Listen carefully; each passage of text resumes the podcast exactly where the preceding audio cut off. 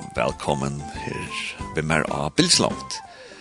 Og ja, det kan kanskje være at du ikke har haft en så gåan morgon og morgon, men ja, vi vet ikke at jeg akkurat til at du kanskje har færre en bedre morgon, og det kan være at du køyre nå, og du kanskje lurer deg rokken, så vi ikke bare at du måst kanskje få åkst og oppmuntrast av, og at du køyre trygt og godt her som du køyrer, og Og ja, om du sitter hjemme, kanskje at du har en kaffekopp eller en jackamon, og at du først har njøtt av lusta sammen med meg i morgen. Og i det er jeg at tåsa vi Elisabeth Poulsen, og vi får at tåsa om heter vi skolaskapet og menning av skolen, og til mitt landa fra henne rundt om, og i eh, Afrika, her hun hever starva som tro på her i nek snakk var i fløyrum for Så ja, så velkommen vi med her av Bildslangt i morgen.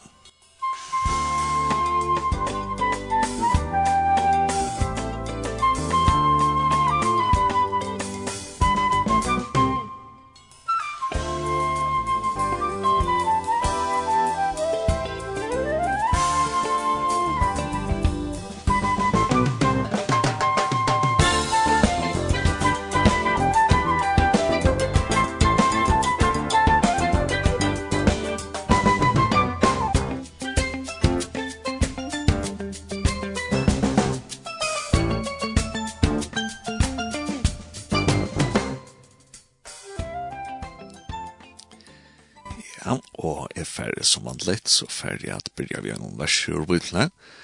Og jeg har funnet et vers her ur Jeremia, og til kapittel 29, og til vers 11. Og her stendte så leis, tog at jeg vøyt hver jeg atlaner i have og hitje vi tikkon, sier Herren, atlaner om fri og ikkje om eogave, til tess jeg veit at jeg kon vannrykka framtøy Og ja, som vi sier ta i introen bryr så kan det kanskje være at du ikke har en så god morgen, men så skal du vite at god hever atlaner om tøyt liv, om fri, og ikke om åkave. Og til at vite at det er en vøvnrøyga fremtøy, så at vi god til Jesus er, at så genka vi alltid i møte jøsare tøyen. Og det er kanskje en okkant tøyen at, at, at stekka av og hikke opp, og ta fer er blå petr, ta fer er blå jølsar. Og jeg har langt nå finnet Justin inn i slutet, og uh, ja, og god morgen og velkommen Elisabeth. Ja, god morgen. Takk for at du bjør meg å komme. Da vi i morgen. Til Elisabeth, skal du kanskje begynne ved å fortelle bare sin du stått om til sjåan? Ja, jeg er Elisabeth. Jeg er dørt mer enn Elisabeth. Jeg er av skala. Og skal alle kjenne man, men sikkert mest som er en Elisabeth, men vi nekker nekv år her vi har brukt Elisabeth-navn. Uh, ja, jeg er født og oppvaksen av skala. Uh, jeg er utbygd ved lærere, og har vi arbeidt innan fire til økje nekv år. Og jeg er mamma, jeg har tver døtre, uh, som nå er gifter og har egna familie. Uh, jeg bor i Øren, London, enn fyrjon. Der kommer vi kanskje sindrene og 17. Men annars er det bare en helt vanlig føringer, Hvis jeg skal si noe om meg selv. Jo, og Elisabeth, vi tar og prater før, så jeg vet at at du lever i her som er vidt er utvalgt av god, og at to er opplevet her vi som leser fra Jeremia, at god vil åkken fri, og god vil ikke vakom en av vånrugga fram til. Så leser vi helt stått an og i tøynen, gerans det hva mest det for det at at du tror på god og at du har Jesus vil inn av deg? Ja, uh, det er at uh, trykva av Jesus og at det var god vil lina. Uh, det er mest jo i min og lov at jeg føler ikke høyest er faglige eh utbyggvin til at arbeid og liv og være i øynon samfunnet, så føler jeg ikke at jeg kan være menneske hvis jeg ikke er god vil For meg har det personlig en tøytning. Det er ikke tog at alt og alt er jøsarett og lov er bare lagt, men jeg føler at min styrke til det som jeg skal gjøre, hun ligger ut tog at det var et av gode vi. Men jeg er nødt til å snø bjøve honom inn i mine avbjøvinger, bjøve honom inn i mot helt alminnelige daglige gjøransløv. Så så tog jeg hugsi i oss nært av Jeremia eh, 22, et eller som du nevnte, at det er godt å vite at Gud hever en atlan. Og om ein atlan kjem mer missetnast, så missetnast Guds atlan vi mer omkant. Jeg kan godt fære atlan møvligar omvei, men Gud hever stadigvæk så inn atlan. Og jeg han sier at bor etla hvert jeg kan ut inna så etla så, så slipper Gud omkant så inn i atlan vi vi mer, og det er styrsten og i tog, at kunne være menneske og leve et helt vanligt liv. Ja og Elisabeth, jeg har selv bo i Chicago og i USA og i Toltar, mm og to jo er nek i Afrika, og Og i en ære sending her spalte du så et le av um, Michael, nå skal minne at Mahen Dere, var det så løs? Akkurat. Og, og til jeg var i Chicago så eh, lusta i Ulan Eksel konserter etter eh, afroamerikansk om tannløyge. Mm. Og Ullan Eksel tar tannløyge og er satt atter för noe i Hæsalanen tja, eh, tja Michael Mahen dere at at tei tei hava ullan ekveter sum við sígi við at akk sum er ratta seg fram og imot at gud hevur betri ting til okkuna god vil okkuna ekka og at her er proklamera at god og gøver og okkar løyv skal løyva godt. Mm um, er det noe du må lage mest til? Ja, jeg husker at det her var fært rundt nøkron som vi ofte glemmer. Uh, hvis vi husker om at det stender i Bibelen, Jesus sier at tid er hos halvtimesens, eller at tid er hos Jøsheim. Altså Jesus er selvvante, ljøse og alt det her. Men han sier, hvis det salte doner, god skal det ta våre salta. Mm hva skal det saltas vi? Jeg husker ofte at vi teker slett ikke den myndeløyken som vi hava finnes og gjør noen året til dere. Uh, akkurat han tar sannsyn du viste til, her sier han, I'm the salt of the earth. Ja, altså, han sier også, jeg er det här gärdet då som får brei at heva, og som brøy til verden, og så vidare. Altså, Guds år sier at vi er jo uh, bøten ljøsens.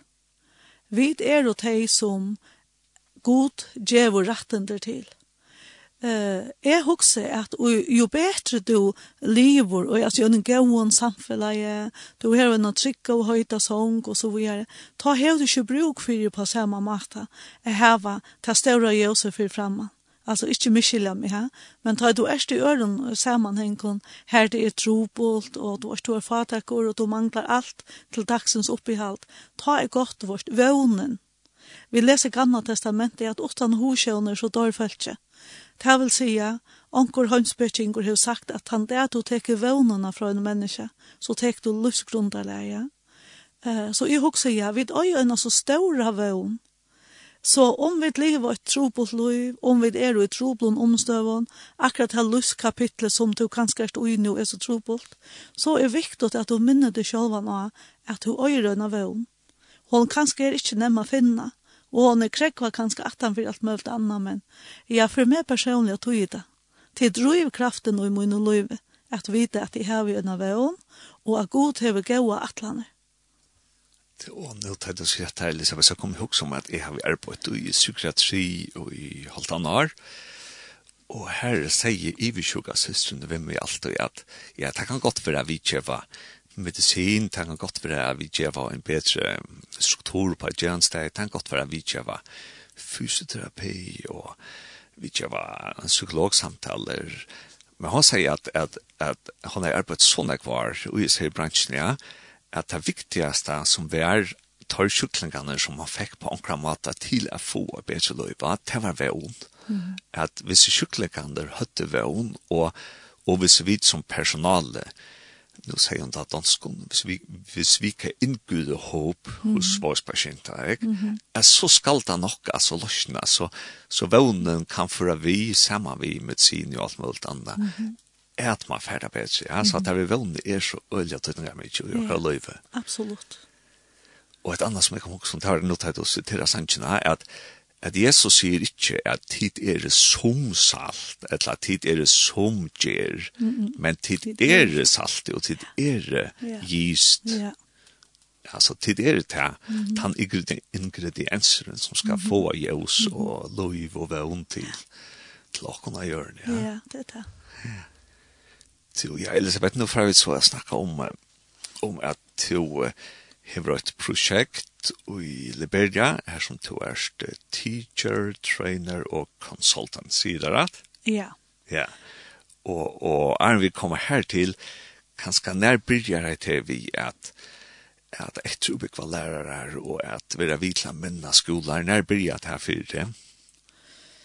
Jeg halte vi for ett år til, um, jeg vet ikke, jeg byrjar kanskje vi tog i 2008, her alloy.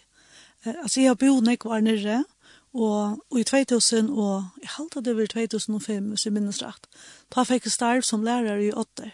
Otter kommune har, ja, så jeg bor i Årets Nekvar, men arbeid i Otter. Og Otter kommune har ta en nødkjønnskola, som lukket som var flaggskipet til kommunene. Og man karte ølene grønter virksomhet, av imenskunnslega. Men i 2008 ta blei avgjørst at alle, alle de skoler og stånar og alt i kommunen skulle til færa og gjennom røndaverskatlan.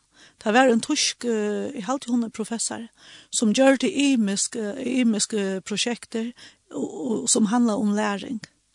Og alle næmingar, dæstånd og alt her skulle man arbeide ved iPad. Og det var lukka som tannbildjan som kom, åtte kommuner var nok så framalega. Og om så må tog, så, så ble det også innførst dette vi LP. Det er jo et læringsmodell. Det er noms, altså omsett til først, noms frøylig grøyning. Lære omkvarve og noms frøylig grøyning.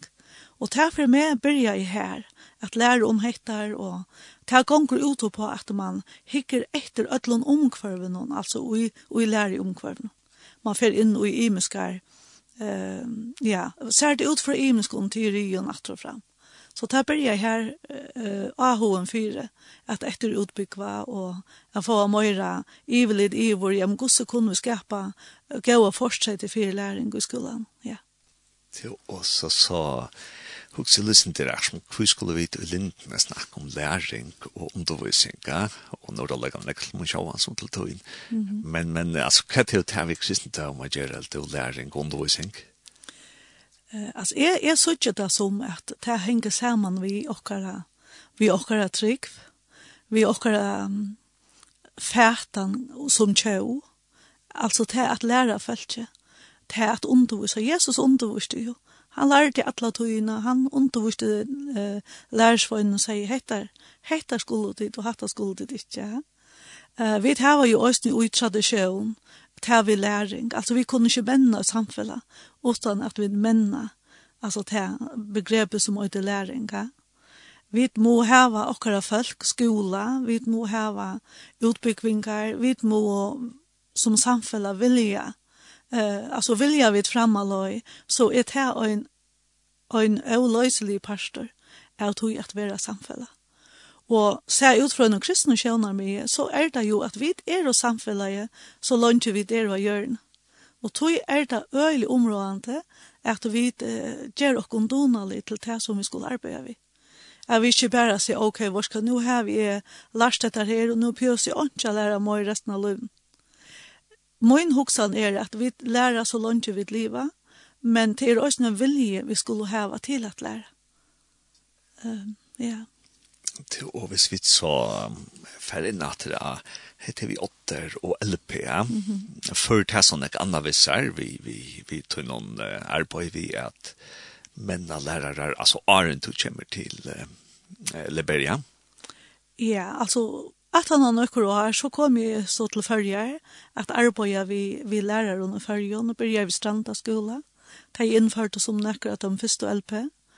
Jag har haft onkel skoj och nam och så var det lärare att är er i Norrland hos någon och här har jag haft onkel fyrlest runt det. Jag har arbeidt lärare någon och gått och Lorvika skola i et tveier skifte. Haft haft skoj och skolan om heter här LP-modellet, Og så har vi arbeidt, jeg var ved Kara skala, og så brukte vi det her. Men ja, og i Imensko London her som jeg bo og arbeidt, her har vi brukt den, den her frimelen. Då jeg alltid han er så universeller, han kan brukast eh, sjálvande, det kommer an på hva elementen du er stå i, men jeg alltid at elementene er jo rettelige eh, bra i og så måte at du kan bruka det. Jeg har brukt den ikke i Etiopien, då jeg har undervist her, og i samband med at jeg har tro på i Etiopien. Uh, og jeg arbeider nå i Liberia, jeg heter på tre år i Liberia. Og jeg kan si at ganske stort at jeg arbeider som rådgjøve og tjalutterske kyrkjene og kjøkkenen av danske fellesskap som hadde promisjon.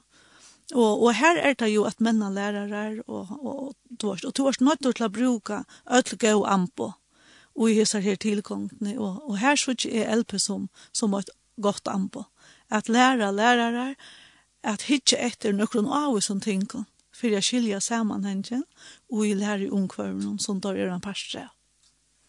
Til å ta at, at uh, i Liberia så høyrer alltså en, en skolorganisation till kyrkorna, är det så det ska skilja? Ja. Lotterska kyrkjan i Liberia, hon har tredje skolor som er dølte rundt imsastene i landet. Og jeg kjører skoj for læreren og feres rundt av skolene og vi imiske evner oppe at vente. Vi er samstånds rådgjøver fire kyrkjene, eh, ta det kjent til skolamal, um, og sammanlagt her var vi omlå 6000 nemninger som er i skolen som kyrkjan rekker. Og Lutherska kyrkjan i Liberia hever jo hese jeg tror på inn i standa sal antolika. Eh, og tog i skole, altså skole og hølserøkt, og og østne boanen av evangelien er viktig ta ja så er det sendt og hese oppgavene byen er einare danske organisasjon om at færa til Liberia og i et avvis aramal at arbeida vi skolen og at arbeida vi kyrkjen. Og hvis jeg kan si sin om hva Liberia, hva for land Liberia er, så vet vi at Liberia har vært utfyrt borgere krutje og i hvert i nesten 14 år. Uh, og det er mest at alt landet er mordla minne eh brått og sunt, och alltså till anken strukturer infrastrukturer är som mest som allor inte i funktion ha? Och ta mest är ösnen att allt det som öde skola skolaverk skolafärtan allt det är øylagt av en länkom borgarkrut så kyrkjan har seg som sin oppgave att jeg främja skoleskap, eh och tog be dig om at vi fra okkara parste av, av verden, altså som har arbeidt lunge og nek vi skolaskapet, at vi kommer og hjelper dem at fauta seg av noe. Ja. Og jeg vet ikke, er du, er du uh, rocklærer? Nei, jeg er ikke rocklærer. Ah. Nei. Så du kan ikke tjekke meg, men, men du sier omlai skjeder som bøtene, mm. og fordalt av tredje skoler. Ja. Det er sier hver skole hever mye, kanskje 200 og 20 bøtene her er løy kanskje. Onkel minni, onkel møyre sindr. Ja. Det är sindr, alltså til at det var nærmengar i skola, det er også av hengt av om foreldrene har råd at betala skola gjaldt. Lutherske skolene, det kostar, altså det kostar i ødlund skola. Um, det stendur i, jeg vet ikke, et constitution, jeg vet ikke akkurat det øyre førskånd, Ja, Hvordan er Jons kvart ut? Det er vel sikkert ut av hvordan det er så. Ja, at det ständer at öll bøtten i Liberia skulle hava fria erkong til skola. Det skal ikke kosta, og Liberia vil utbygge sine bøtten. Det er av papiren, men det er ikke så så verleggen. Det vil si öll bøtten Ikke at hava akkong til skola, til det er ikke skola at lastane, men foreldrene skulle betale avvist, og til det er det ikke råd til. Så skolaner i Liberia tar aller flest, og hvis jeg sier 90 er å bygder opp by faith-based organizations, det vil si til kyrkjer. Kyrkjer av imenskunnsle som driver skola. Og her er så den lutherska herremiddelen. Og til å si at, at uh, til nekre penger som kommer fra foreldre ikke alt noen, skulle ikke alt fra foreldre noen, men ære penger kommer kanskje fra kyrkene og fra promisjonen, eller noe sånt? Nej, alltså det at jeg er kjent ut som rådgjøve, och att här ska göra og allt det. Alltså är får jag en løn ur Danmark. Men kyrkan själv får ikke penger er jeg stand fra. Alltså det får kyrkan ber om å få troboere, Det er ju troboare. Men man ber om faglig folk som kommer ut innan en oppgave. Men det som er, er skola gjalde, som nærmengene gjalde, det er det som lærerne får løn fra. Mm Så det kom ikke penger nekker stedet fra enn vi tog nemmer gjelden som er. Og, og hvor har vi så bygd og fudget med skolebygningene? Det er jo kyrkjene, altså det er jo um, søknene. Uh, de fleste søknene heva skola, og man hever mekt at skole er godt for kyrkjene, altså til lokale kyrkjene, og, og tog er det til lokale som bygger skole så till det kan som kan ska ta en kyrkjesakn för John samla in till några kyrkje så är man samla in ut hur saknarna och action byggt en skola. Ja, akkurat det. Ja. För att ta pengar man samla in. Alltså strukturen här är och synte att att att kyrkans här skolan som en intökomöjlighet. Alltså att du kan växa om kyrkorna och på ymsa makt har vi att ha en skola og og hvis vi jag lukar få att att att ta vi snacka om i Sverige skolan där om det tredje skolan kväck for i alter är det.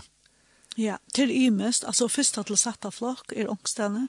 Ångstene är där från första flock ju upp alltså till studentaskola flock. Första flock flokk ja.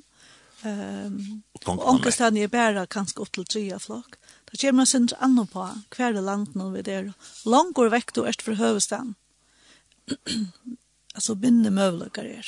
Gång man efter en skolan vi vi primary school och secondary school. Liberia är är tänkt att Amerika på något vad är. Du vis man huxar om sövna, alltså hvis vi tackar bara att det storta sövlig i lite, så är det så lös att det som grundlöta med Liberia som sövan sier nå, Det är och läsgivnar slaver ur Amerika. Ta slavehandelen, helt og pæt i Amerika, ta sendte man jo nekvar av, eller av trælene, ta sendte man nekvar bare av skip, og sendte det etter til Afrika imsastan. Så de som kom og ta, kyrkjan råkna seg fra 1846, så det er ikke tog hett så gammalt det, men de som ta kom ur Amerika, de ble jo lukka som dominerande, høyast av våre eh, folk i landene, men de byrja så å bygge opp et samfunn som de kjente her de kom fra. Så tog er, akkurat som följer er så tenkt at Danmark, eller Berge øyla tenkt at Amerika. Det er lykka som, å komme til Amerika, ta har du låta lotterøy. Ja. Og det sier så snakker vi ikke primary school, det sier man i England, men elementary school mm. i Amerika, og så secondary school. Ja. Eh, og, og, og i Amerika har man så at det første har det til en forskole som man kallar for kindergarten, er det yeah. østene i, i og yeah. Liberia? Ja, insta stedene, altså det kallar det K1 og K2. Altså man hever tvei år åren. Altså forskole akkurat badnager, ha? det hever man, ja. Så tar man om lower elementary til første til trea flokk. Det som er en, det som er, jeg vet ikke hva man kan si, det som er en bøye i Liberia er det, er folk doa så utla lese og skrive. Det er en større, større trobeløyde Og sjálft skolafolk, altså som her i torrere matstått i skola, de doa ikkje særlig vel til som vi hoksa, som er bare nekka grunnleggjant. Hvis jeg sier at uh, kanskje 70% av folkene dår ikke å lese og skrive, så er det kanskje en sannløgje vi mot fikasjonen, men uh, selv de som er og vel utbyggven, de er så øyelig vanlig til å lese og skrive. Og det er en samfellagstrobeløgje at folk er så ytla skola i. Uh, og det, det handlar ikkje om at liberianere lærer verjen ånder, at de er og altså minne klok eller noe, men det skal suttje som en sammanhang av at borgere og krutje har nya brottet här som har vært. Mitt fokus har vært av första til tredje flokk. Og det er at vi gjør skoj här och i lärare vara lärare att läsa och skriva ta sørste skoj i hei og Arne Jøl, ta vær, altså jeg har samlet lærerne fra de fleste bygdene, tar som underviser første åren, tre og flott. Og så har vi lært her om alfabetet, hvordan det ser ut, hvordan jøvene er, og alt som kjølge og kjølge, og alt det som bøten til åkken lærer første flott. Men ta er da lærer ikke her, tog det her var ikke øyne, og en skolegång som vi kjenner. Og nekva tøymon som er og lærarar, as de er jo ikke lært. Og det er avbjøringen i Liberia. Avbjøringen er at selv om du arbeider for den allmenne skolan, så er det lønnen som er så laga, og, og de får ikke, de får ikke penger. Altså lønnen, de får ikke lønn kanskje et halvt år og et år. Og det gjør jo at motivasjonen fettler. det. Og tog røyne kyrkjan alt hva hun kan, er gjalda så hun følger til togene Du det er en stor motivasjon. Ja. Til ta i arbeid innenfor universitetsheimen så per reviewa i en grøn om skoleskap i Afrika. Aha. Og her var her var særkjent han at uh, lærere tar kunne til ofte finne på å rymme midt i skolen. Altså selv om de tar det tøymer etter, så kunne det ta godt rymme hvis noe kan skal ha et arbeid som gav dem mest av penger Mm. at det er knappt jeg lykker ja kan man sucha sort till Liberia? Ja, absolut. Alla lärare har imisk störv. Och långt veck från hövstaden till Chemor Moira är det bunden av landbruk. Så det har öll en ett så lite landbruk som det östen passar. Men lönen är så mycket låg att det kunde sliva leva bara tog som det på skolan. Men hvis du skal til en skrivstå, eller du skal til bankan, eller akkurat er og i arbeidstog, ja, men det tek ikke bare en time. Alt tek så lenge tog. Og til rett som du sier, det opplever man også i Liberia, at lærerne kommer ikke. Samskiftet er ikke som hjemme. Nekk har vi kjønnet telefon, de får ikke givet på fra seg og så videre. Så til nekk man skal lære, man skal være grolig av tålen. Så vi tar jo en kalender og sier, og det er skøy så og så. Og tøyen, hun kommer, og følger ikke kommer. Så får man ut og finne til, hver er det, hvor er det ikke kommet? Ja, men kanskje skulle det selgerne gå ut av marknaden og åren til konto for høymannen fra et eller annet. Altså, det er en helt annen vær. Effektiviteten, han, han er ikke så som vi kjenner.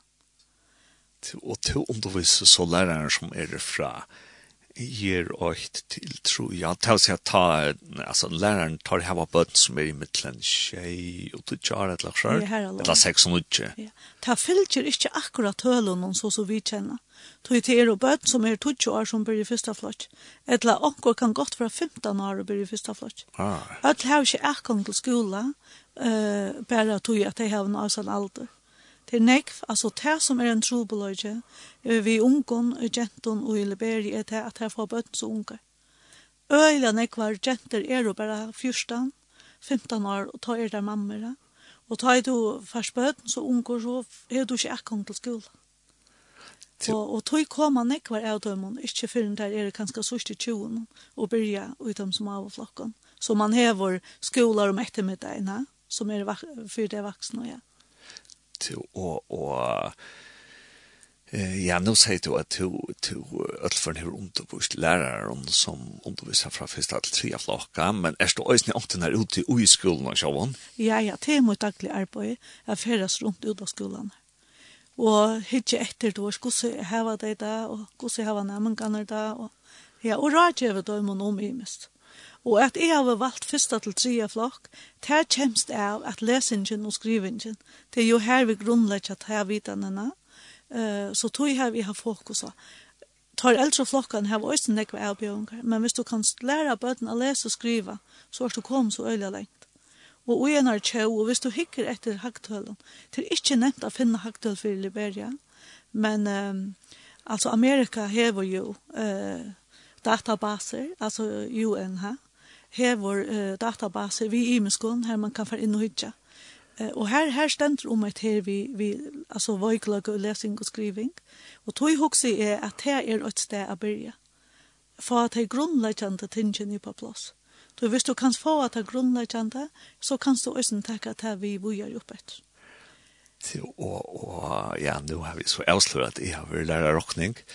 Jeg vet ikke om det rustet sin til men men eh, men här platt är säga att att ofta huxa skulle köra så läs att okej okay, det som skulle ha känt åt och nutchen rockning de må være velfri rockning, så her skal man helst hava at det var folk som har linjefag og sånt der. vi vikarer, ja, men det kan man köra ned i første ørenflok til at det er så grunnleggende rockning, ja, men jeg pleier til å si, jeg vil kjøre vad ska det Faktisk er det mye viktig at de som er ordentlig stersk og i talfætan, at de er nere jo i første flokken, og henne som då minne vel, de kan være kjent 8. og 19. at de her er skreien nesten kjetter, altså. ja, og hatt er, hatt er nekket av, av det samme. Og i fargen er vi så, så vel fyrir at vi tar utbjørn lærere til flest flokkstid. Men, men min fætan er at jeg vil arbeide i en land som Liberia, som er så av almindelig etla fire, da det kommer til skolaskap, da er viktig at vi får holdt nye og ta grunnleggjant. Tog at det er et helt annet liv at baden kan få av hvis det dora les. De får orientera seg helt arvis i samfunnet, og kunne sjølve være litt bors ur en fatakdøm, som det annars vil hilde nirri i, hvis, hvis ikke det dora les og skrive til å være undervist av enskån etla av mannen som er her? Nei, det er undervist av enskån. Det er å kreve at det skal være altså standard English. Men uh, Liberia engst er ikke standard English. Altså, det her var jo så inne eksang. Men uh, øtl her var et stammemål. Altså, det er 16 stammer. Og de her var sitt egna mal. Så øtl bøtten her var et stammemål som det tog så høyma. Men skolemålet er engst. Og det er ikke veldig avbjørende, tror jeg at det er slett ikke så som engst engstjokkene. Til å, og nå sammenbrett vi Amerika, men i Amerika er det så at man har skoledistrikter som styrer rettelig nekk for hvordan skolen er det, men så har man akkurat som standard rundt om alt USA som kommer fra en statslig organe, i alt det til det er livet nå kjent av, det er livet tølt, det er lagt klart. Og det er ikke helt bestemt, nå minns ikke hvordan det er, men lukkene er i England, det her er det en GCSE, da man lever vi nødgjenda. Eh, vera sånne standardtester fra Amerika brukt der til eh, skolan her i Liberia, hva er det Eh, Uh, jeg vet ikke om standardtester fra Amerika vera brukt der, det du ikke sier. Eh, Lutherska kyrkan brukar ikke det. Men man hever standardtest. Altså 18 og hver semester så har bøttene testa. Eh, det hever vært en tyske konsulenter som har arbeidt nok snakk var. Og Han har rönta att samskipa näka från Europa, alltså pröva leja det till. Så löser man här en struktur, alltså i skolesystemet, och som man så arbetar utifrån. Men krav er at nemgan utom fagene som tar skulle hava test i at når hver semester, her skulle det hava minimum 40 prosent rett. Uh, og samla for år, altså fire semestrene, til, til, til bytt opp i seks semester, seks viker og seks semester, Uh, og her skulle det hava ikke minne enn, i halte det er 42 prosent. Og så fyrir jeg kunne slippe ut av nästa flocken. Så man krever et avvis, man krever ikke 100 prosent, men man sier 42 her alloy. Så har du rettla fer opp ut av nästa flocken. Og nå sier du at, at til Lutherska kyrkjan og Liberia som hever mm. om det tredje skolan som du så arbeider via. ja. Og, og hvis vi tok seg det til førgjere, at, at skolaskaperne i og kanskje Danmark, han han börjar vi i prästen hon här han ska sust i Alexander Forsnon så till prästarna som var som börjar skola skapera yeah. och skolan tja och kunde följa hever ver mäster Ullanek av um, Lothar Daum och Theodor Parsvus ännu där och och att som vitt så har vi följa till det att i Nekvon skolan statväx så börjar man vi morgonsanche och mm. bia fejvara som er en sånn arver fra, mm. fra kyrkjene og fra Lothar Daum hevur man østna til ulle berri at man byrjar ein vi vi er solme og vi er BFA var. Ja, det gjør man. Man har morgensang. Fyrsta vi man gjør, da man kommer av skolaplasset, det er at ei heisa flatje. Man brukar nek flatje. Det har vi ikke nekka tradisjon for i fyrjen. Men flatje er atlastan. Her som nekka, Alltså en nøkker institusjon, alltså offentlig och ett eller annet, her har man flagg. Og så har man også en mynd av presidenten og av tog presidenten, altså nuverand og fyrverand. Uh, ja, til antakt av skolen, man leser ferievar, man hever imska fasta bøner som man byr, og de sier the pledge, altså de, jeg vet ikke om det er svørja til, altså, um, Mighty be our powers, altså det er nasjonalsang, det sinja det og så videre, så det er fast kvønte, fasta rutiner, ja så morgonsang jokk. Og, og til så tjåsangren, det synes jeg, og hit det sort lyft. Jeg kommer også til rom om skådarørslene, at her blir man, her blir man vi flats flatsene, og man kjøver skådarlyft, ja. Akkurat. Eh, og så jeg det er så øyne og en Kristnas Holm, at træd ut i morgonsangsløtene, eller det er ganske imes fra skola til skola. Ja, det er imes fra skola til skola, ja. Her ser her tingen er først, vi flats flatsene og pledge, og eh, tjåsangren, og, man blir bøn, ja. Och till Taiwan. Och till mig man ständer ut till ett lagat. Ja. Ja. Man ständer ut. Till och vi har så valt ehm eller det så till till hur valt för morgonsanger som vi ofta syns ju för Jon och fest. Här har vi valt den där färger fyllt med händan där. Han hade han ofta syns som lärare för Jon. Han hade ofta syns ja. Ja, og vi følger oss nå, og det er så en opptøk i halte til av øynene jeg var snill skink min sal, løvnån, og tal seg at det er akkurat som sommersanker vi er en kyrkje urke. jeg vet ikke ordentlig hva hentan opptøkene er fra men jeg synes ikke så at det er salmer nummer 508 og i første samarbeidene så vi får at høre hentan er sannsjen som eiter eh, Fægir fylkmer henta det Musikk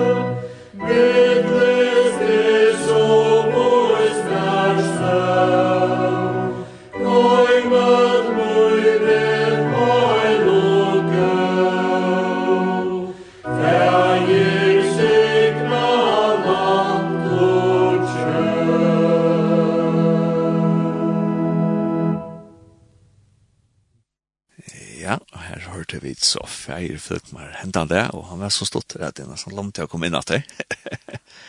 Men det klarer jeg da.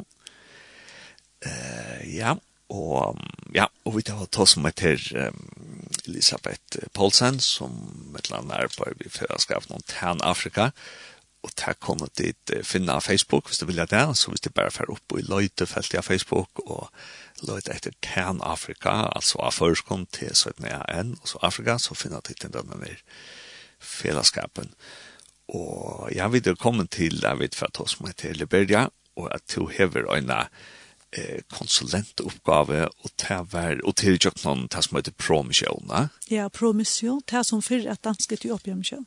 Og er det et åra mal sett, akkurat som verskattene er større du hever her? Ja, åra mal er tro i året til en øyt et aramalsett verskatlan, ja. Og, og jeg er inne i min og tre år nå. Ja. Og, og er det, er det flere som er vi tog, altså flere utanfra, eller er det bare til som er som styrer tog i prosjektet? Ja, altså, jeg er sendt av være rådgjøve og, og arbeide ved lærere, men jeg er jo gjennom tøyme. Men det er folk fra Liberia som er ute i tøyme. Men det faglige, alt det vi tog faglige, det er jo ønsamhetlig og i hesten her systemen er. Og hvordan folk er jo i snær timen? Vi er, um, altså til skrivstå folk, det er så øyn, og øyn som er opplæret særlig, tvei, tre, vi er fem folk. Jeg har som en egna sjåfør, jeg har vi en bil og egna sjåfør. Så vi har noen urokken er vi, og vi mer, vi er kanskje en tjejfolk som høyre sammen og til tog at jeg kører til Liberia til man kører førjen som man klarer det nesten ikke selv, eller galt? Så jeg, jeg damer ikke så vel å køyre man over. Jeg held det. De køyre så herst, og det er så farlig. Man heldt ikke fersleregler og så videre. Men da vi skulle køyre helt opp, altså utenfor høvestein, helt opp, det var ikke utkanten, da har vi omgang chans. Det er bare sort offroad nesten. På veien, infra, infrastrukturen er så, så vanlig. Så nå tar man å trene folk som skal køyre bilen her og og og til seg sett for omleit sett for skulle andre hur så størst areal så svilt meta syska altså ta langste skulden og inn ved og annan ved er da. Altså for eksempel køyre er hvis jeg skal opp, altså hvis jeg skal sår ester, ta kjøtt døme så køyre er fra hövstaden cirka 20 timer. Ok. Uh, og ta er det en, ta er det en, en gauer, en gauer tøyner Vi køyra mest og ta i ta i tur tog, tog av veien er så vanlig, man kan ikke køyre rekten tog, ja. Men 25 timer, kanskje 30 timer, her som det er aller langs bort. Ja. så lengt før? Ja, til lenge før, det er ikke nekva det er. Ta vi færa så er det oftast vekk og vik. Ja, og ta seg til til må sova, hvis man skal køyre 50 timer, så må det sova ved en noen. Det er akkurat det som er så veldig avbjørende, vi må inn og starve. Jeg skal sova så nekva så stedene, og det er bare ute i småvånbygden, og det er ikke lokalt. Så jeg har så skapt meg et overlevelseskit, som man sier. Jeg har alltid en task, og vi møter vi selv. Uh, men faktum er at jeg vet ikke ordentlig hvordan det ser ut da jeg kommer til disse imenskobygdene. Så det er en avbjøring. Altså, jeg er så lokalt som man kan. Och och å si att det är altså, hotelluknande ting att det är mer sort Airbnb här privatfolk løgjene sånn kult. Ja, det kan vara folk løgjene sånn kult, ja. Men det är ikke näka som Luigi står som vi kjenner. Alltså vi kunde inte nämna Airbnb eller inte, inte. Altså, det er så jag kan takke ett døme. Ehm um, vi var uppe i øynene i en bygd och här var inte plats att sova så fikk vi et sång fra to lokala presten. Konan og han hørte og sort rom. Altså, jeg kallte rom, jeg var ikke. Det var rom, men det var ikke, det var ikke fire tæt, og så var det, alt åpe. Og jeg har vi alltid moskitonett vidt, og jeg fyrir sjåvande jeg passer på. Og jeg må si at jeg, at jeg var så bensjen til at jeg var alt rom var fullt ved råtten. Da myskret kjem og så kommer råtten her. Og her var bare alt, jeg gikk alle stedene, og alle vettjene og alt. Og jeg husker bare, ok, og god, lett når morgenen komme. Altså, jeg blunda ikke til nåttene. Altså, til er og ting som er og så, jeg var ikke utfordrende, at man kan slik forklare om det. Bøla myrkt, bøla køla myrkt, ikke ordentlig hos nekka stedene, og her skal man finne sin vei. Så til at være ute i, ja, jeg kallte det kanskje ute i bushen, eller så, altså, det krever sin mann, Og tog sier jeg alltid at jeg har ikke kunnet gjøre det, hvis jeg ikke visste jeg Jesus tjekk fremover. Men jeg er ofte bensjen, ta jeg er, men ta minne i meg av at gakk til tryggur fram vi gøy og treste. Og til at det her, at vi heva nekka ui okkon, så minner okkon av at, ja, men vi er og vart, sjalt om vantaner er og nekver, og til opplever man nek som tro på at det er støver, man vet ikke hva man skal gjøre tog at det fer så lengt og tomt til sånene, som vi der, altså our comfort zone. här. Ja. och og, og at det er dømmet å fortelle oss, vi, vi er sånne kammeren til sånne presten, og at det er ta er det ikke til slekthet og til internett samband til telefondekninger. Ikke pette. Vi skal ikke pette som høyre til okkara parst av verden. Det er inne og gjennom luttla og gjennom luttla og bygd ångstene, men telefonene har det. Altså folk har telefon det er lukka som lukka uh, bindenet et vårt til omhøymen, ha? Du kan senda av mobile pay pengar, men as det vi internet og anna, nøy. Folk har ikke telt, ikke ta å komme her ut. De do ikke å skrive en telt, og de har ikke en telt og postadress og ikke. Det er altså basic, basic og på den måten. Og da du sier de har telefon, er det færtelefoner, eller er det fastnetelefoner? Færtelefoner.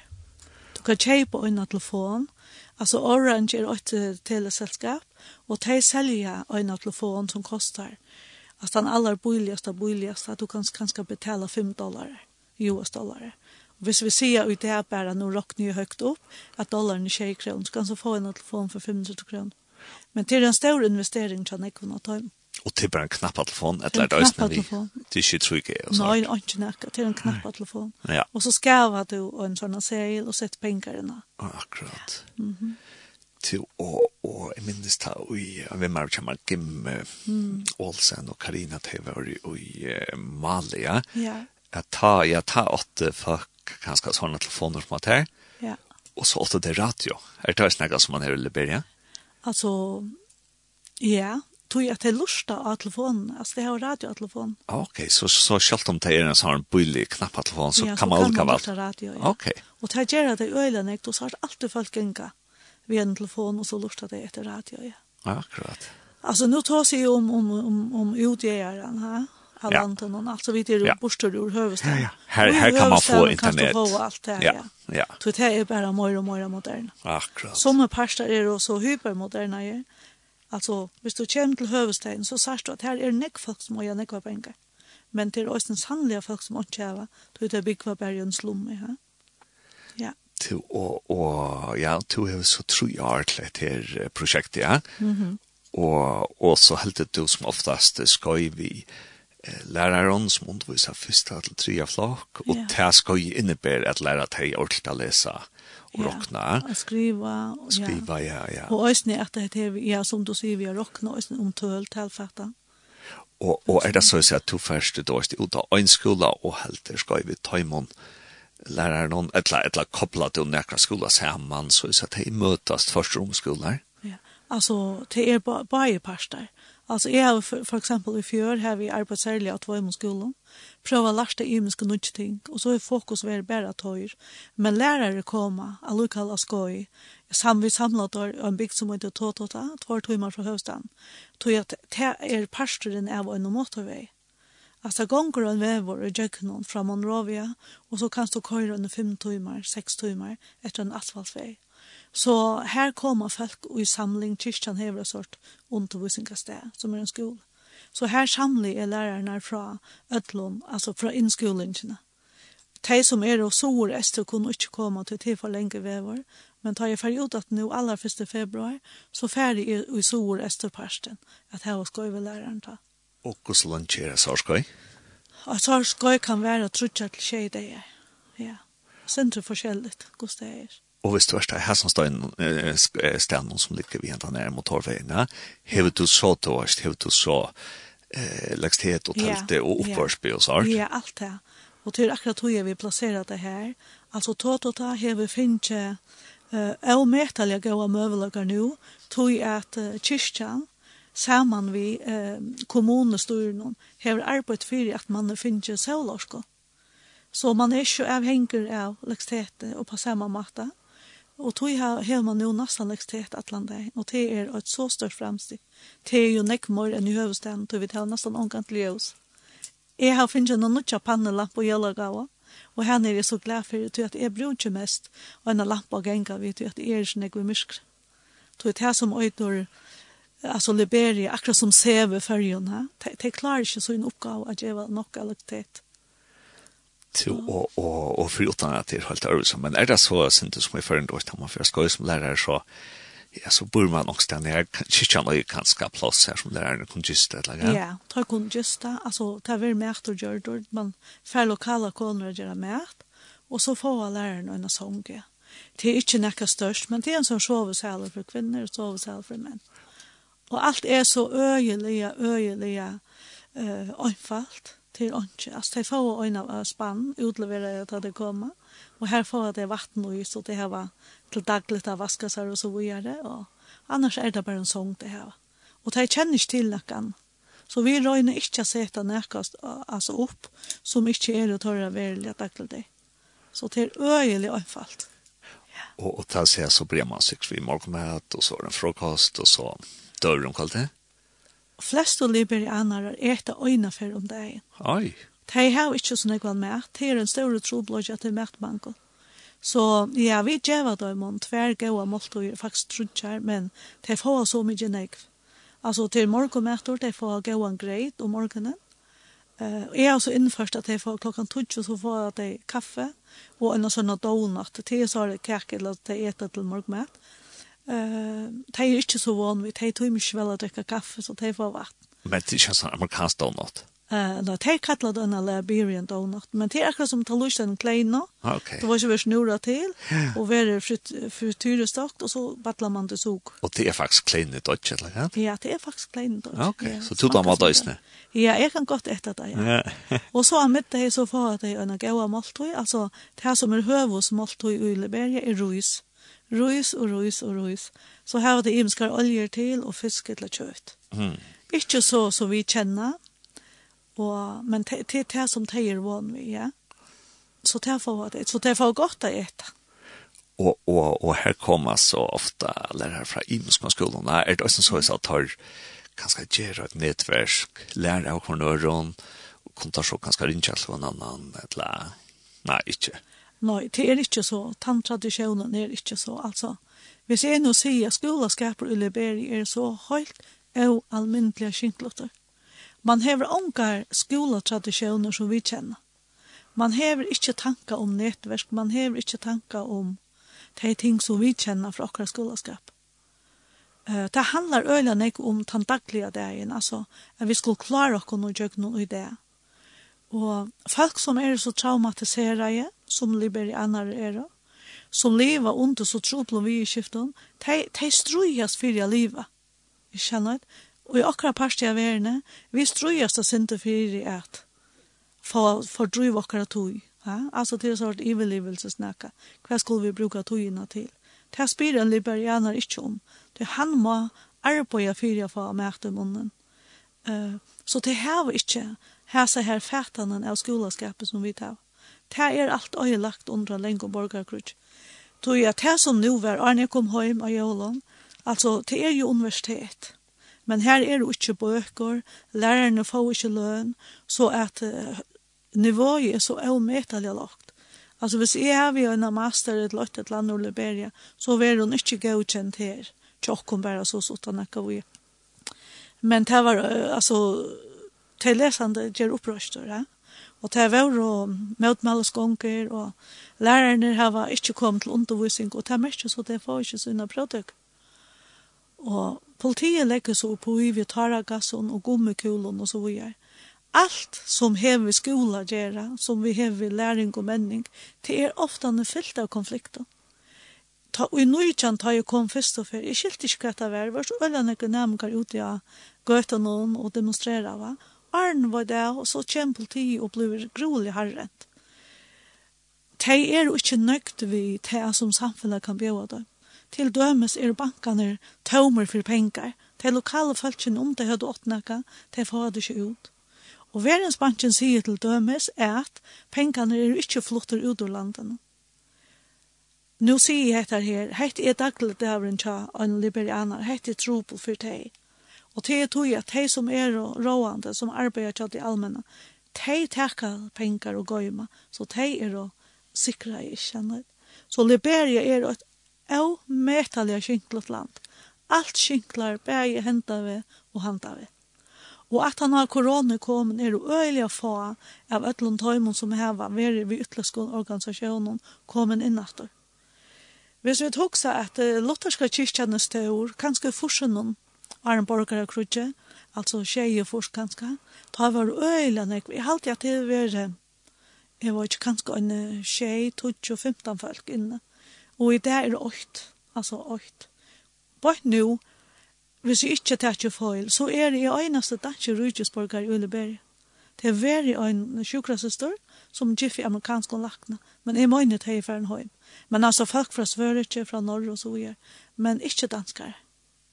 Så Tassira syndrom, Liberia er ikke et land som nekker investerer i, og det er også et land som er så øyelig plava av motor. Det er nesten ikke livet for tog. Men falske, det, det hever en tørv, altså. Alt er så sunt og bråte, det er alt så sunt og bomba. Øylandingsslum og i Monrovia, tusen av vis og millioner, altså. Millioner mennesker som hever en tørv, selv om det bygg var slett ikke nekver uibygvar i landen. Kanskje er det 1,6 millioner eller så. Men altså, jeg kommer og suttje, så... Jo, nå får jeg til å teste mot minne, så. Ja. Eh, mot å tunke. Nei, kjenner jeg ikke. Nei, jeg rønner at, jeg rønner at, uh, sier til navn at hun bor innan her som ditt avtalte skøy, som ligger vi, vi motorvennen. Å, tå-tå-ta. Tåtåta. Tåtåta, ja. Jeg er ikke mot tåtåta. vana litt minne. Ja, tåtåta, ja. Men du kan ikke minnes det, det er det. Tåtåta, ja. Tåtåta. Til å ta det her var det også til sier lærerskøyene her som kan skal være med til en tro og tror ikke jeg råta det her. Blir tid så også vi, vi hesser det morgenrutinene vi at heisa flatje og synsja tjåsanjen og, og lyfte og en solme og antakt og sånt. Ja. Uh, vi tar var skoj og sen tar bøttene ofte i skola. Så bøttene gjør at vi heisa flagg og sånt. Men tar jeg har skoj ved læreren, så gjør jeg alltid på ett at jeg begynner börjar skola där en samme vittem som de begynner så inn. Altså vi tackar ned og kvann smal ut, går så en dag ser ut. Så ja, de er jo nærmengar til de er är skoj til meg. Og så synes jeg de og geva lyfte og så videre. Men vi får ikke ut og heisa flagget, så de har nærmengar når gjørst året. Vi begynner ofte å ofta sin søttene enn nemgane er komne, ja. Men vi gjør alt det samme, ja. Så vi røyner ikke etter gosse ser skola der nå ut, gosse gjør at det heter, og er det akkurat annet man kan gjøre, og på akkurat annan mat. Ja. Og vi får så spela en sang som man ofta synker til morgensang i fyrjon. Ja. Gakk til trykker, og vi får nytt av hvor det er skriven, hvor det er som er. Ja, det er Hans Andreas Djuro som er skriven, og det stender ut fra Salmabøgjen at han er fra 1915. Ja, så det er lengst gjerne. ja. Det er lengst igjen, ja. Men han er utrolig jeg hvordan det vi kommende stadverk det. Ja. Det er ikke så at han ikke underviklet i år som er gammel og sånt. Nå, ikke på en løs nå. Jeg husker at han hever nekka vi okkara menta ja. og okkara forståelse av det. Ja. Så tog jeg vi valgt han. Yes, og, og jeg har funnet en utgave her, her som til er Fekkaner Bayer, Barer og Jekvann, Alætsne, som synes jeg.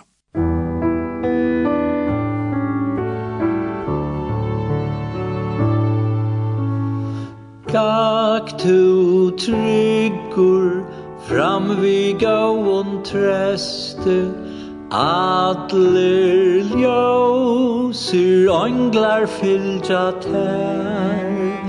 Herren han er vinur tuntan beste Hansar eia atlar vandar sær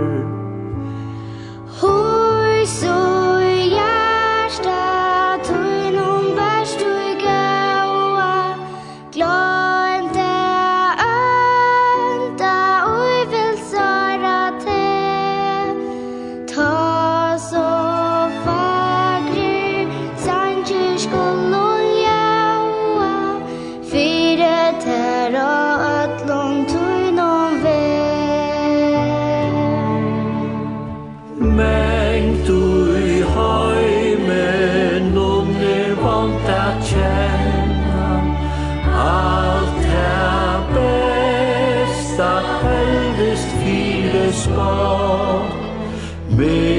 stå tida Ta teg undu flenna Skall du halda hjärsta brönt og gott?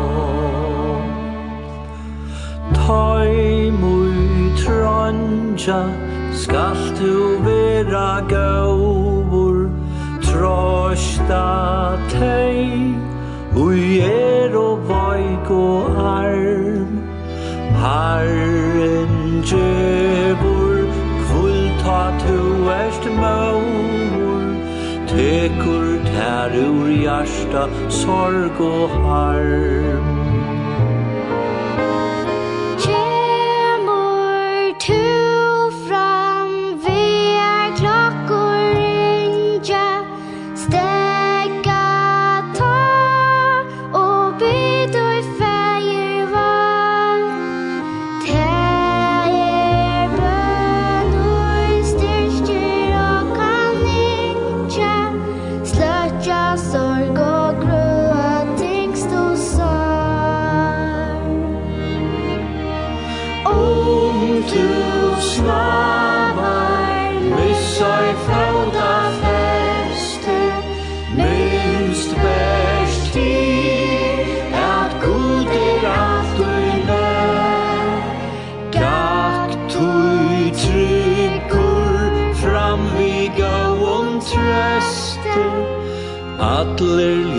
Tusen anglar fylgja tær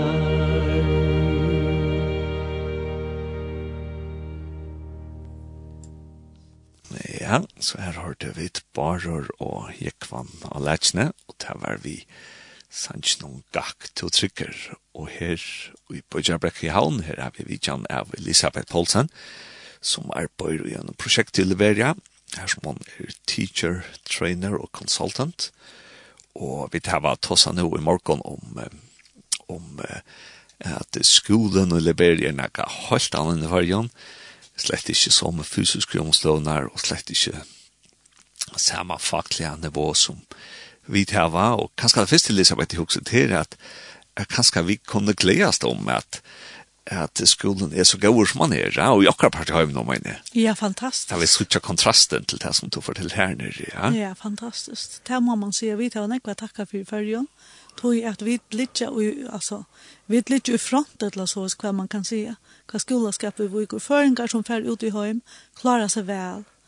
Og det sier at de som hever undan okkon, og alltså att alla inne framan undan. De har virkelig sørst för at vi har ett gott samfälle i det. Här. Og ta igjen og grøye fra om Liberia at alt er så skinklet, det er virkelig så nøyersligt og vanlig, så kan jeg lukkall si at jeg selvsøven om at han nytter at gjøre dette her arbeid. Jeg husker at brøydingen i samfunnet er jo at det er en vøvn til at vi utbygger det kommende etterlig. Hvis du gjør bøttene noen møveløyga til, at, at, til skolaskap, så trykker vi alltid oansett hvordan vi lender det er, så er det her vevnen, altså til fremtøy. Og, og det kan skal hvis vi tar gatter vi det er verset som jeg leser først nye av mye, mye 21, ja, at, at Gud sier at han hever atlaner til okken om fri, ja. og til tess han vet okken vevnen rukker fremtøy. Ja. Og nå vet vi vel, og til det som går fra, at her er ikke godt skil og liberia vi forskjellige statslige og sånt. Ja. Og det kan så ikke ta først ut vi skolen og sånt. Mm -hmm. Som tog greit fra, men at, altså, god djever og kom vel. Mm -hmm. Helt du kanskje kan dere dømmer på, på at, at akkurat er hent og akkurat akkurat som hever være positivt. Ja, det har vi. Um, Og i øynene skola som jeg har arbeidt særlig, øynene av de två skolene som jeg har fokus så lenka tog, Uh, her vånen kan jeg si er at har jeg underviset bøtten er jeg inne i flokken henne, første øren sier. Og så tar jeg lærer bøtten i akkurat her, så sier vi til nå skal tid for hjem og lære pappa og mamma etter. Og det er så ikke er som en større vån, at hvis foreldre får møle kan sende et bøtten i skolen, så får jeg til å lære dem en hjem vi etter. Og vøvnen for meg var helt konkret i øyneføre. Her det var mamma som kom i skolan. Og så sier hun, «Vars du kvært, nå kan jeg lese i bøkene som sånne min hever. Jeg er også til vøvn. Og jeg, jeg føler ofte han er vøvnløs. Jeg tror at det er jo sånn jeg var nei her. Ha? Og jeg også bare, altså Elisabeth, hva kan du gjøre? Øynføringer i Liberia, hva, hva verden kan du gjøre? Men så er det godt at, at god minner meg, og jo, det er akkurat det. Altså, det krevs bare øyn til å skapa en brøytinga. Så vånen, hon er alltid her, men vi må øyne som tro på å minnes til, eller som lærer til å vel å gjøre, at vi må søke åkken dyrve, altså i Guds åre, tog at det er det som må ha åkken vånen, altså vånen må øyne køyre for åkker innere mennesker, eller kunne vi ikke ordentlig gjøre det vi gjør. Men jo, vi må omkant å teka vevnene fra øynene mennesker, fra øynene samfunnet, fra øynene omkvarve. Tog til er hon som helder okkon oppe til å kunne gjøre alt det som vi skulle. Så absolutt det er vevn, og jeg så ikke oftane at her folk er kommet akkurat som fra øynene stig til et annet. At her gjør dem og løs med Jeg undrar meg i byrjan da jeg kom, hvor folk alltid takka fyrir, å, takk god fyrir, at vi tar klar henta deg i nøysene. Jeg suttet det nå hver efter jeg har en føyngar det. Det er ikke som jokken av tøymkjalta Det De nevna det, altså byrja ikke så sjåvun til lukko for manar enn det vidla, og takka gode kvann det for å vi, vi made it so far, ha?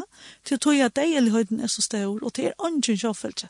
De hava er nekv ørvisen inni åsær enn enn vi hava. Ha? Og vi samlas kvann morgon, altså de som arbeider i kyrkjene, vi samlas til anda kvann morgon, Og ta er det alltid det her at vi bia god, vi er jo sånn ikke om vøvnløse, men gjev okkon om vøvn. Læt kyrkjena vera til vøvn som følge ser, altså ui og noen sartan samfunnet. Så ja.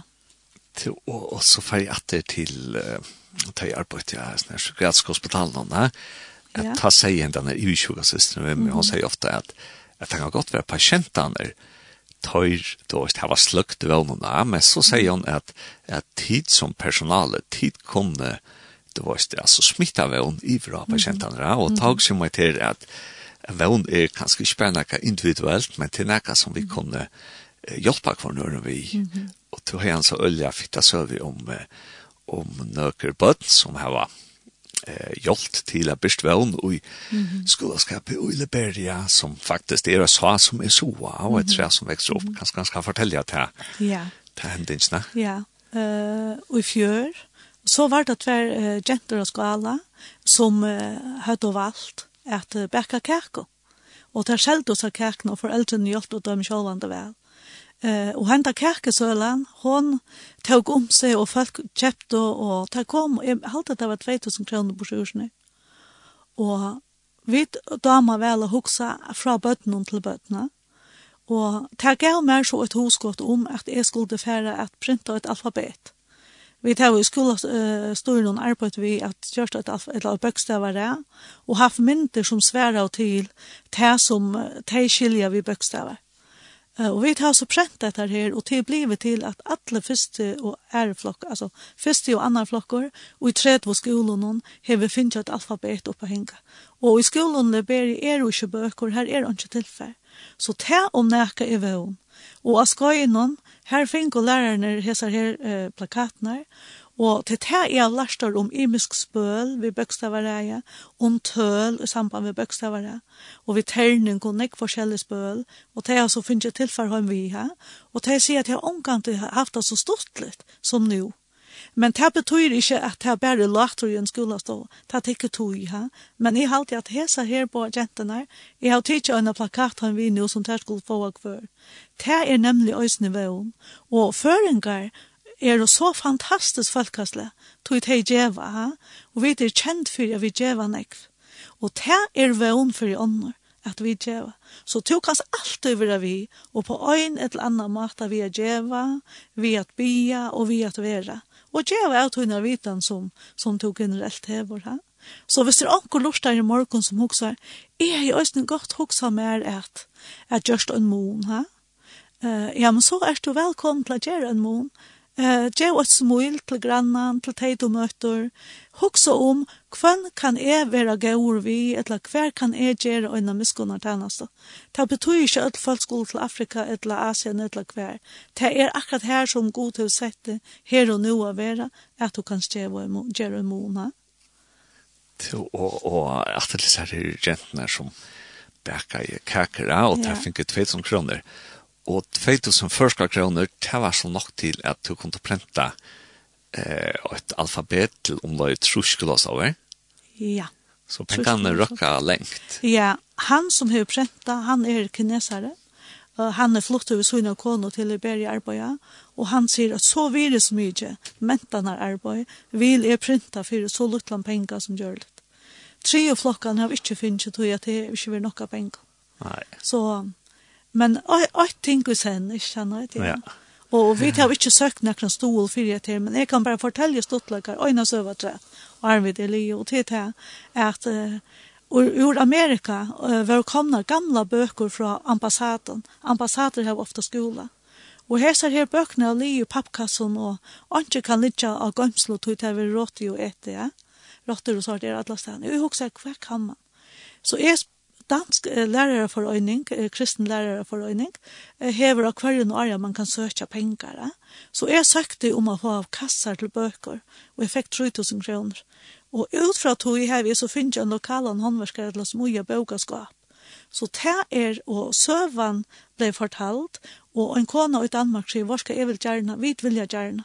Så det enda nå knappt jeg vil tog, nå for at det større produksjonen gang, at alle skolene, Og til første flokkene få av bøker, en skarpatna bøker, og et flott bøkerskap. Så det er øsne vel. Så det begynner i smaven, og så kan man utvikla det. He? Så er absolutt at det arbeid vi gjør, at det hever tøytninge. Du tar saie som du plantar. Det kan godt være at du sørst ikke så størst akkurat i skolan om igjen du er det, men det får grøyne seg jo ut i samfunnet til å, mm. og bare lukke skilja til her vi kassen noen, så, så kassene er, så løs at bøkene er ordentlig innlokka her, så er rotter yeah. ikke for inn og etta. Ja, og godt bøkaskap ut det, altså ordentlig velgjørst.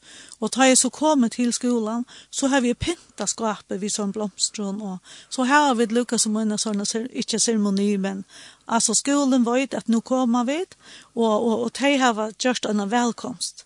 Eh, og så får bøttene skapet, og så lærer jeg lærerne hvordan bruker vi disse bøkene, og, og viser oss bøttene noen av. Så kan man bruke en bøk, man skal vente hendene ved, og man skal passe vel på den, og så videre. Så, videre. så er en opplæring i grunnleggende ting, som vi har kjent i flere hundre år, men det er nytt for teaterlige som er nå her. Ja Jo, ja, og jeg får si at det er tusen takk for at du kom til morgen, Elisabeth. Ja, takk for at du bjør meg å komme. Og, og hvis noen vil, vil ha mer vita om etter arbeid, så er det som man kan finne akkurat om denne fellesskapen til Afrika. Ja, altså om Tan Afrika kan man finna av Facebook. Man får bare inn og løyder etter Tan Afrika. Ta versk atlanet som er i nu i Liberia, det er Promissio. Og her kan man fære inn av promissio.dk. Og her har vi så en profil innen Tjatøymon. Her er skriver blogg og, og nødkjøysbrøv og annet, men det er så alt av dansk. Det er det for den danske fellesskapen. Så her kan man løyta seg fram. Akkurat, ja. ja. Og man kan også søke mye inn i bæren av Google, Elisabeth Paulsen Liberia, så kommer det fram. Hvis man vil lese noe mer om hva det gjør. Akkurat. Mm. Til Elisabeth, jeg husker bare nå tar jeg for en tog etter det sørste årene morgen, at, yeah. at, at enda en affær, at at selv om det er ganske trobult og myrst og i liberia vi skola og så videre, er at god vil og en av vannrugga framtid, og han får gjøre det. Mm. Og, og en vannrugga framtid er ikke alltid at, at man skal ha god til grønne skår, ja? det er ganske østne menneska slett, og det er bonast og så videre. Ja. Ja, så vi får takka for i morgen, og takk for at det varst vi og ned av Bilsland.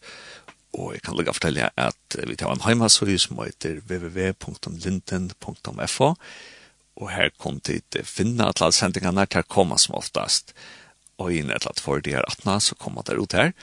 Og der kom ikke bare ut av heimasøyene men der kom ut som pottvarsp og til å si at hvis du kan skal lorsa etter Spotify, ja, men så kan du finna podcast her på ent, og hvis du bare løyter etter bildet langt, så finner du det som vi har her.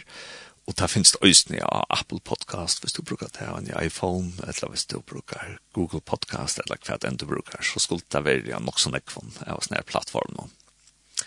Og du er reisende velkommen til at døyla en her en her sånne sending fra Abelts langt ute av Facebook, så jeg sa at andre reisende kunne høre det. Etla to sender en privat på til omkran, at akkurat hentet sendingen, jeg vet at to heldre heter ordet spennende og så kan man senda til lunsjene.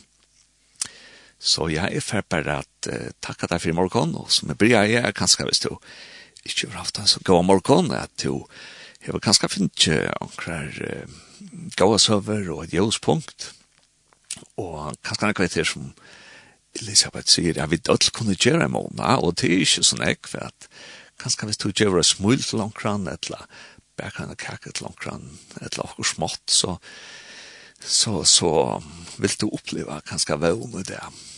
Så ja, så jeg får bare at uh, ikke at jeg kom alt det beste, og jeg blir om at Jesus må sikre at jeg kom der igjen och göra det.